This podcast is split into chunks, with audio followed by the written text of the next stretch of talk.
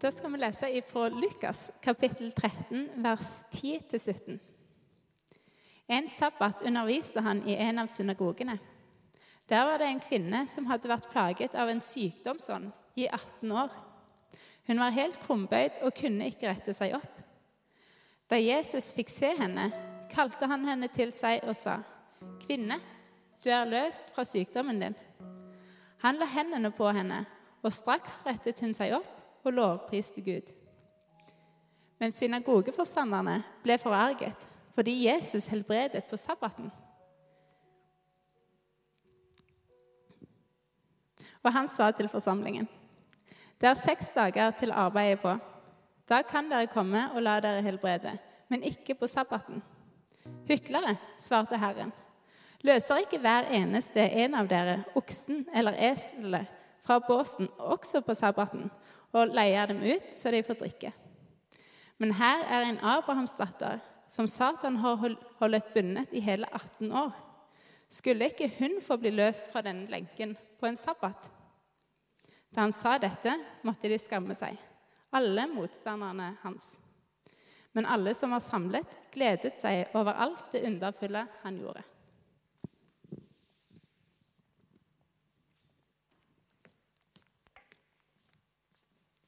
God søndag, alle sammen. God fastelavnssøndag og god morsdag og happy valentine. Hele suppa på en gang. Det er jo helt utrolig.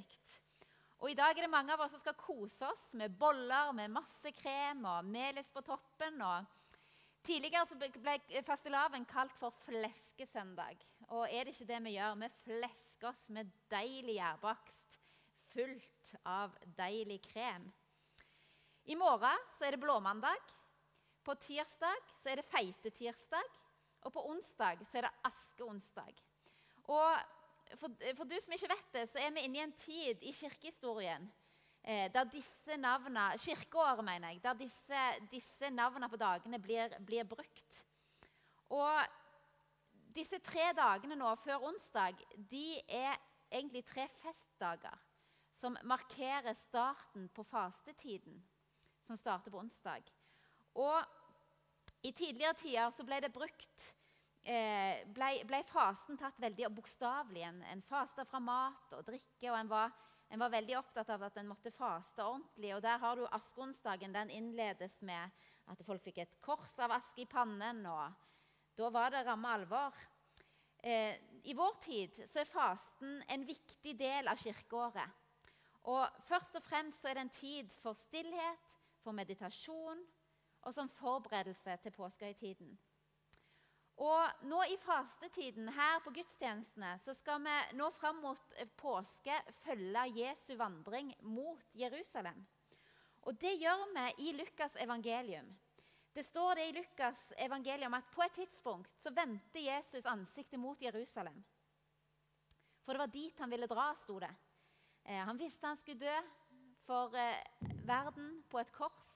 Og han viste han skulle reistes opp igjen. Eh, men han satte altså kursen mot Jerusalem. Og På reisen til Jerusalem så kan vi lese at han dro fra by til by, fra landsby til landsby, og underviste. Og Dagens tekst som vi hørte, da var Jesus i en synagoge og underviste på sabbaten, på helligdagen. For ganske nøyaktig to år siden så var jeg eh, i ei kirke på vei til kirke eh, i Nairobi i Kenya. Og når vi kom inn på gårdsplassen foran denne store kirka, så var det en mann foran oss. Men han gikk ikke oppreist som andre. Han krøyp, eller nærmest sagt slepte seg, langs bakken. Og skoene hans de var ikke på føttene, de var på hendene. For beina bare slepte han etter seg. Så han på mange måter kravla seg fram mot kirka på vei til gudstjeneste. Og Jeg fikk en følelse av denne nøden og desperasjonen denne mannen måtte bære på. Torfinn han bøyde seg ned til han og spurte kan jeg få hjelpe deg, men mannen ville ikke ta imot hjelp. Og Jeg undrer meg over eh, hvor mange ganger denne mannen har slept seg inn til kirka nettopp på dette viset. Kanskje med et håp om å få et møte med Jesus, om å bli helbreda og få lov til å reise seg opp og gå og få bruke beina sine. Det gjorde så dypt inntrykk på meg å møte denne mannen. Her i Norge så møter vi sjelden på nød sånn som dette. Vi ser sjelden folk i fillete klær med, med sko på hendene, oppskrapt etter å ha gått på, på bakken. Vi har et system som legger til rette for hjelpemidler for at folk skal få hjelp. Vi har Nav, vi har trygd, vi har sykepenger. Vi er så utrolig privilegerte i dette eh, landet. Men det betyr ikke at nøden ikke fins her i Norge i dag. Mange er rammet av sykdom. Og mange har levd med sykdom i så mange år. Vet hva det er. Mange vet hva det vil si å være krumbøyd under vekta av ulike plager og lidelser. Både fysisk og psykisk. Om ikke vi har kjent det på kroppen sjøl, så kjenner vi sannsynligvis noen som er plaga av sykdom. Og vi hørte om denne kvinna som kom til synagogen. Kanskje har du vært som den mannen i Nairobi. At du eh, lørdag etter lørdag har søkt til Guds hus for kanskje å få et møte med, med skaperen av himmel og jord.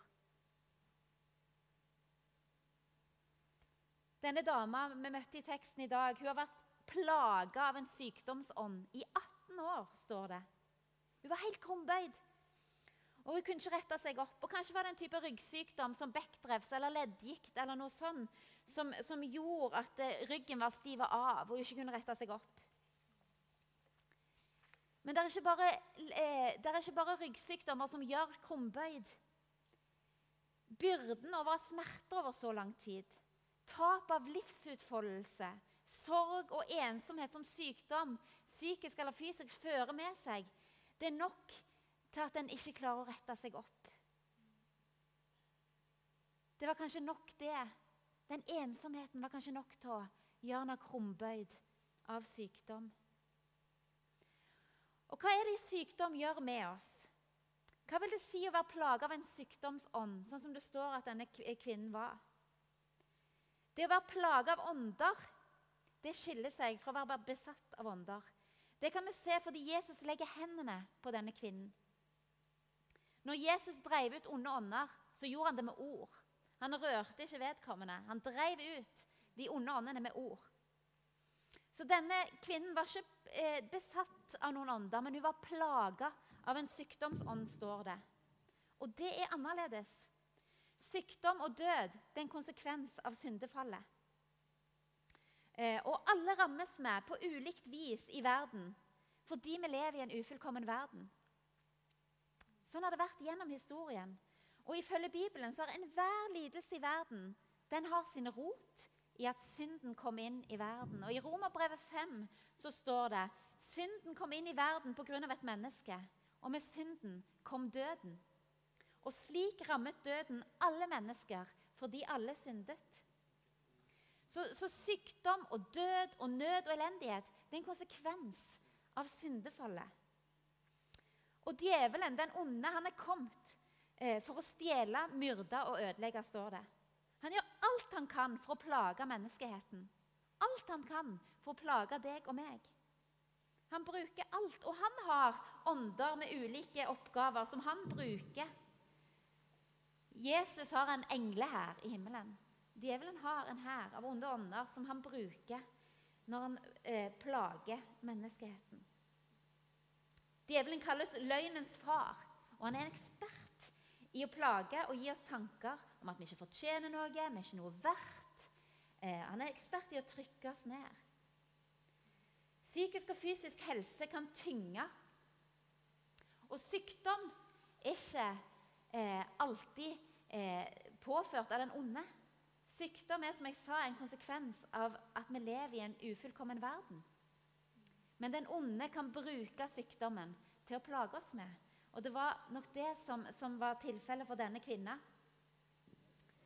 Og det er tungt å ikke kunne rette seg opp.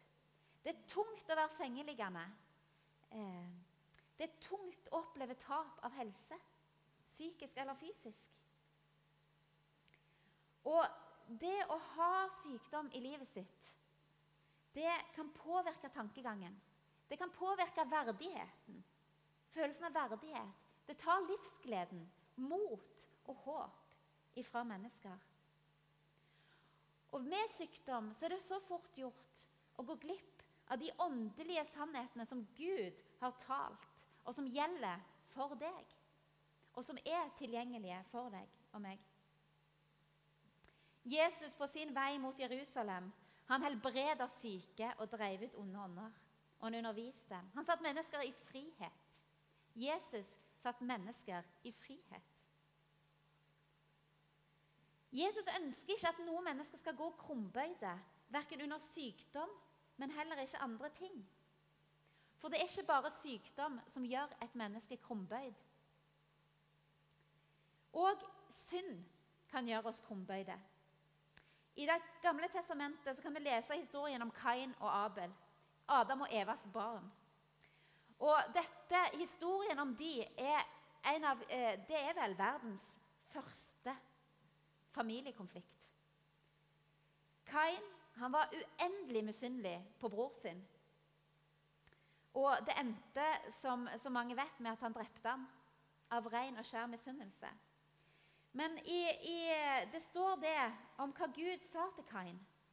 Han sier, Herren sier til Kain, 'Hvorfor er du harm, og hvorfor ser du ned?' Hvis du vil gjøre det gode, kan du se opp. Men hvis du ikke vil gjøre det gode, ligger synden klar ved døren. Den ønsker makt over deg, men du skal herske over den. Synd, uoppgjort synd, gjør at vi vender blikket ned. Det gjør at vi mister frimodighet. Og synd og løgn ligger er, er, Altså, løgn er synd. Det er galt å lyge. Og det er lett å avsløre løgn. Hva er det som skjer med blikket vårt når vi lyver? Jo, det flakker. Eller vi ser ned eller vekk. Bare se på ungene. De, de, de, er så lett å, å, å, å, ta i løgn fordi at de, de klarer ikke å se deg inn i øynene. De klarer ikke å se opp og møte blikket. For de bærer på en usannhet. En synd som gjør at blikket vendes nedover. Og til og med hunder. Jeg vet ikke om du har sett disse videoene som, som ligger på YouTube, og som ofte deles på Facebook, av, av, av skyldbetynga hunder. Utrolig fascinerende å se. En hund kan se utrolig skyldbetynga ut eh, når, når, han har gjort noe galt. Jeg husker en gang Noah, hunden vår, eh, når jeg vokste opp. Han hadde, han hadde, han hadde vært og, og, og, tatt noe på kjøkkenet. Du kunne se det på hele, hele holdningen til schæferen, at han visste han hadde gjort noe han ikke skulle. Og den gangen han tok kattungene og spiste de med nabobikkja Han krøyp langs gulvet Eh, det var en traumatisk opplevelse vel å merke, som jeg aldri kommer til å glemme. Jeg grein i mange dager etterpå. Hele hunden var bøyd av skam. Så, så, så synd, det gjør noe med oss. Og uoppgjort synd, det tynger oss på et vis som gjør oss krumbøyde. Og Jesus kaller oss til å, å, å bekjenne vår synd og komme til Han med Han. For Han har tatt på seg vår synd på korset. Han har gjort opp for han. Og det eneste vi trenger å gjøre, det er å komme til han. Så setter han oss fri fra det synden binder oss med. Og det er en fantastisk ting. Og har du ikke erfart det, så gå til boka. Vi kan bli krumbøyd av skam. Usunn skam er med å bidra til at vi ser ned og bøyer oss. Det er så mange som går rundt og ser ned på seg sjøl. Det er så mange som går rundt og skammer seg unødig. Det er så mange som går rundt og føler seg verdiløse i samfunnet vårt. Lite viktige, dumme, ekle. Åh, oh, er ikke fin nok. Jeg, jeg liker ikke meg sjøl. Kjenn på det. Å, jeg føler ikke jeg har noe å bidra med. Hva er vel jeg? Og så kan vi kjenne på skam over, over hvor små vi er, eller hvor lite vi har. Og det krumbøyer oss. For Jesus har skapt oss til frihet. Jesus ønsker å gi oss verdighet.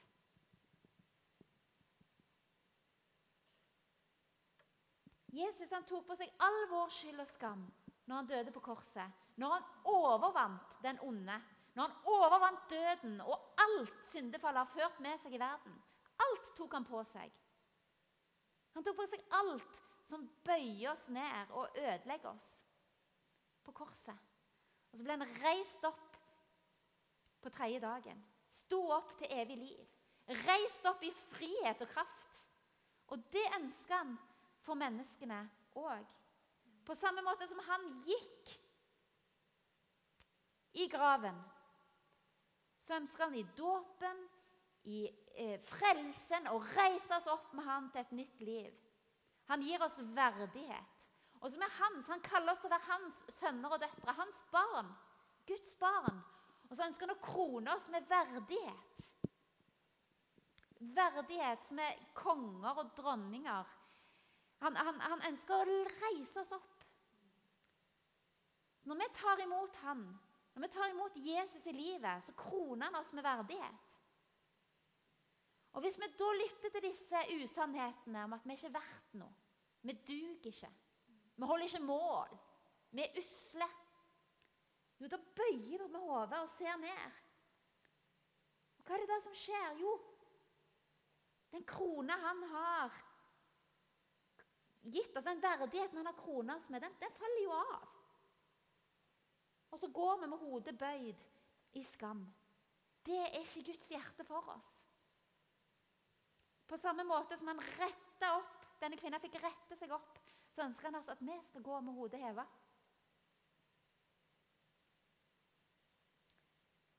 Troslivet vårt kan bli krumbøyd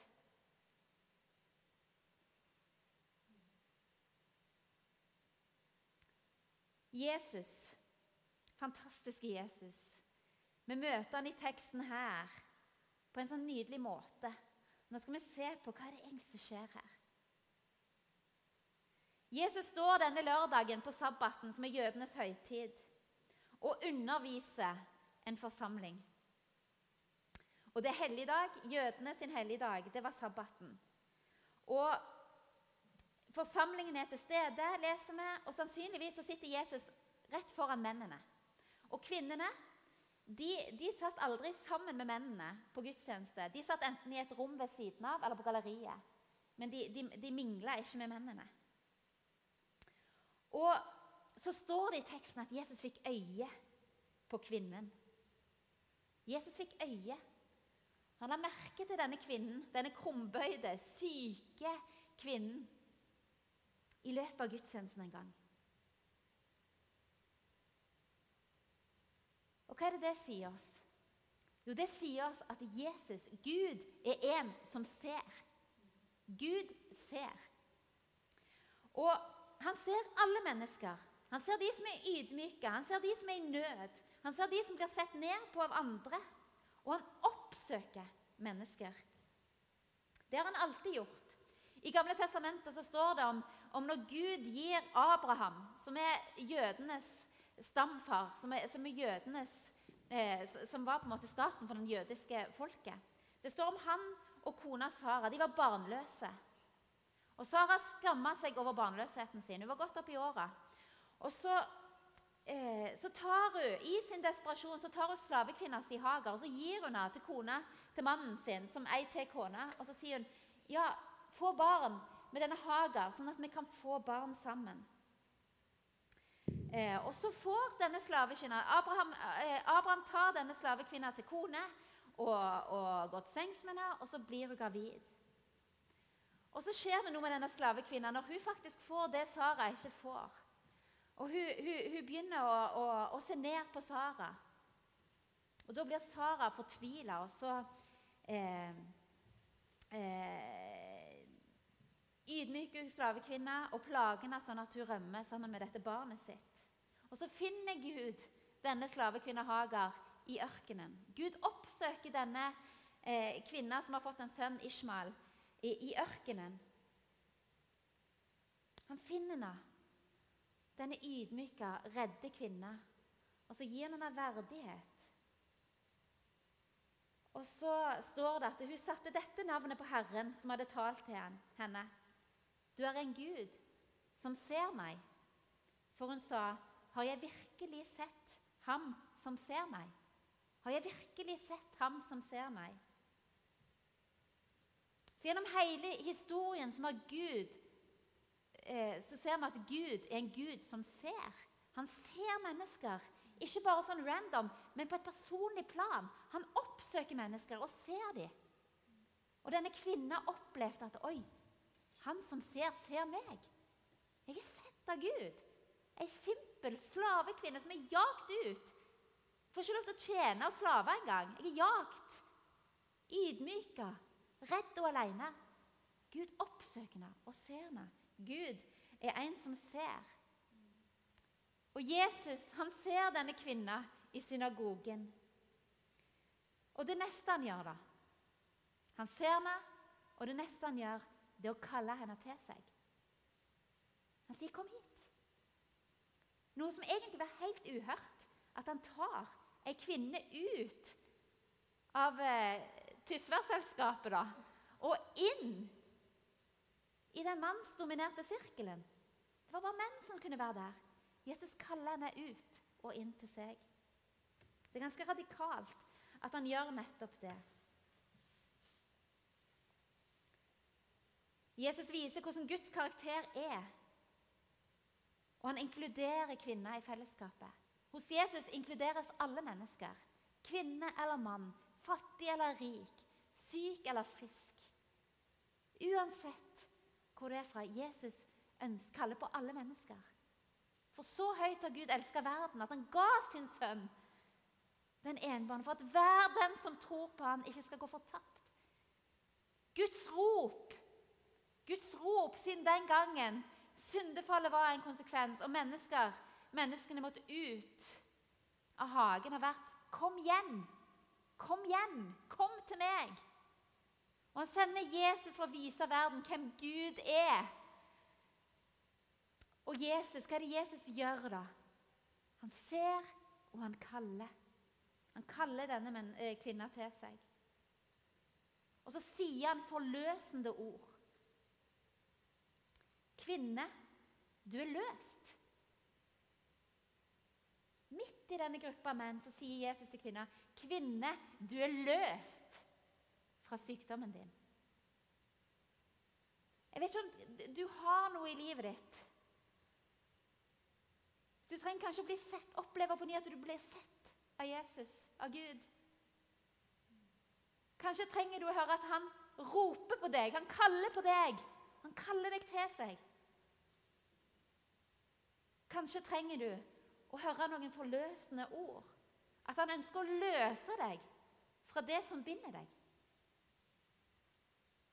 Har du noe i livet som binder deg, som holder deg fast? Jesus kommer med forløsende ord. Og til kvinnen sa han, 'Du er løst fra sykdommen din'. Så skjer det at Jesus legger hendene på kvinnen. Han berører henne. Og får et håndtrykk. Tror det var magi i rommet idet han legger seg altså han legger hendene på kvinnen. Idet han legger hendene på henne, så retter hun seg opp. Denne krumbøyde kroppen retter seg opp. Og for første gang på mange mange år så får hun lov til å stå oppreist. Han kroner henne med verdighet.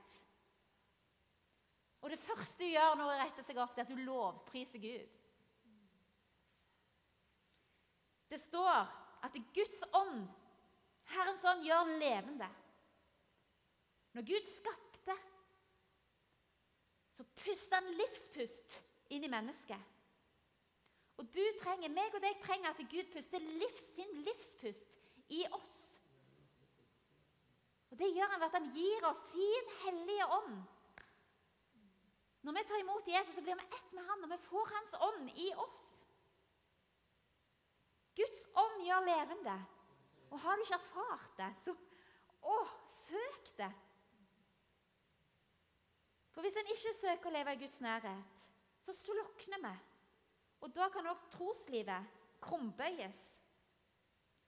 Oppe på skattkammeret er det mange barn samla i dag, og de øvde før jeg kom ned her. Og de, de sang denne sangen. Du gir liv her nede. Du gir tro, håp og livsglede. Du er Gud, vi priser deg. Halleluja. Det sang de oppe, og jeg skjønte det. Det talte til meg, fordi det, det, var noe med den gleden. De sprang rundt i gangene og gjorde seg klar til skattkammeret.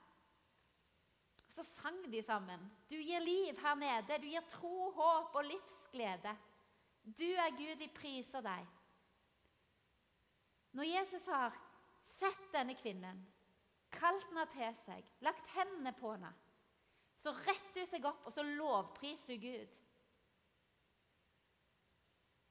Det står òg det i Bibelen at det er sannheten skal sette oss fri. Og Sannheten er at der Guds ånd er, der er det frihet.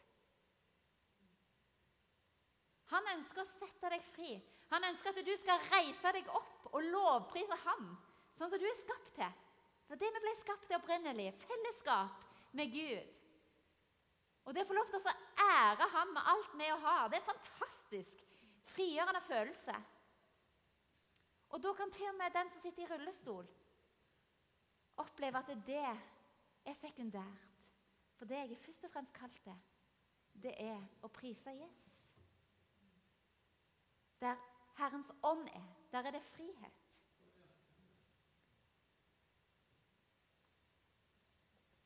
Det var noen flere til stede denne dagen. Og Den ene var synagogeforstander, eh, synagogeforstanderen. Jeg sa for meg at han satt på sida av Jesus når Jesus underviste. Og Så helbreder Jesus, og gjør han dette. Og så skjer det. Han blir irritert og han blir forarga, og han taler til forsamlingen og sier 'hallo, folkens'. Skal vi gå med på dette at Jesus helbreder på en sabbat? Og Jesus er nødt til å gå til, gå, gå til rette med denne, eh, med denne synagogeforstanden. Nå plutselig skjedde det noe som ikke skjedde på hans måte. Ah, det brøyt med reglene, og han irriterte seg. Og Jesus går så langt at han til han herne, presten som sto på sida av seg, så sier han 'hykler'. Hyklere, sier Jesus. Dere gir jo dyra deres vann på sabbaten. Skal ikke denne kvinna som har bundet i 18 år, få lov til å erfare min godhet?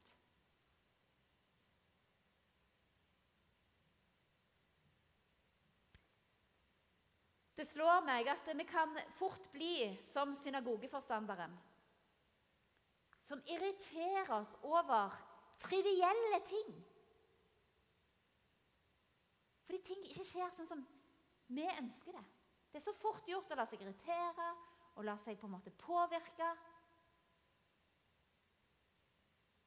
Og Jesus Han går så langt han, han, han, han, går til rette med urettferdighet, for, for, Jesus hater urettferdighet.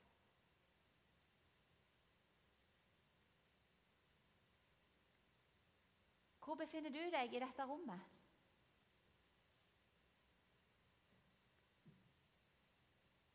Hva er det du lar prege livet ditt?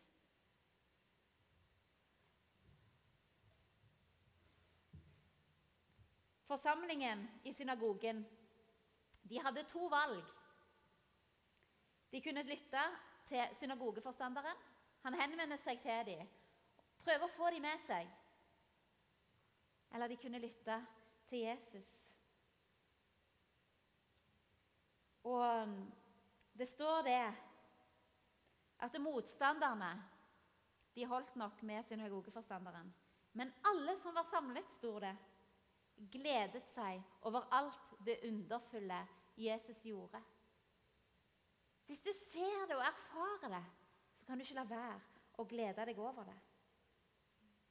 Og Som fellesskap, som kirke, så har vi et valg. Som mennesker har vi alltid et valg om hva som skal få lov til å påvirke oss, hva som skal få lov til å prege oss, hva som skal få lov til å ta fokus i livet vårt.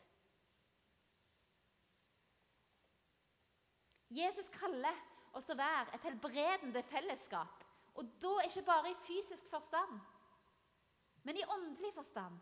Som er prega av Jesus, sånn at mennesker vi møter, kan få lov til å rette seg opp. For han kaller oss til å se mennesker. Han har bedt oss være sin kropp på jord. På samme måte som Gud sendte Jesus for å vise verden hvem Gud var, så har Jesus sendt oss til verden for å vise verden hvem Jesus er. Og han kaller oss til å være et helbredende fellesskap som ser mennesker. Som kaller på mennesker. Kom og se det fantastiske vi, har, vi eier. Det, det livet i Jesus. Til å se, kalle på mennesker. Si forløsende ord. Ikke irritere oss som synagogeforstanderen, men si forløsende ord, gode ord til oppmuntring, til håp, til tro. Så kaller han oss til å legge hender på mennesker og be for dem. Sånn at det er skam, tvil, håpløshet, åndelig død kan slippe taket idet vi retter seg opp for å se Jesus. Det er vi kalt til som kirke. Se, kalle på, legge hendene på i Jesu navn.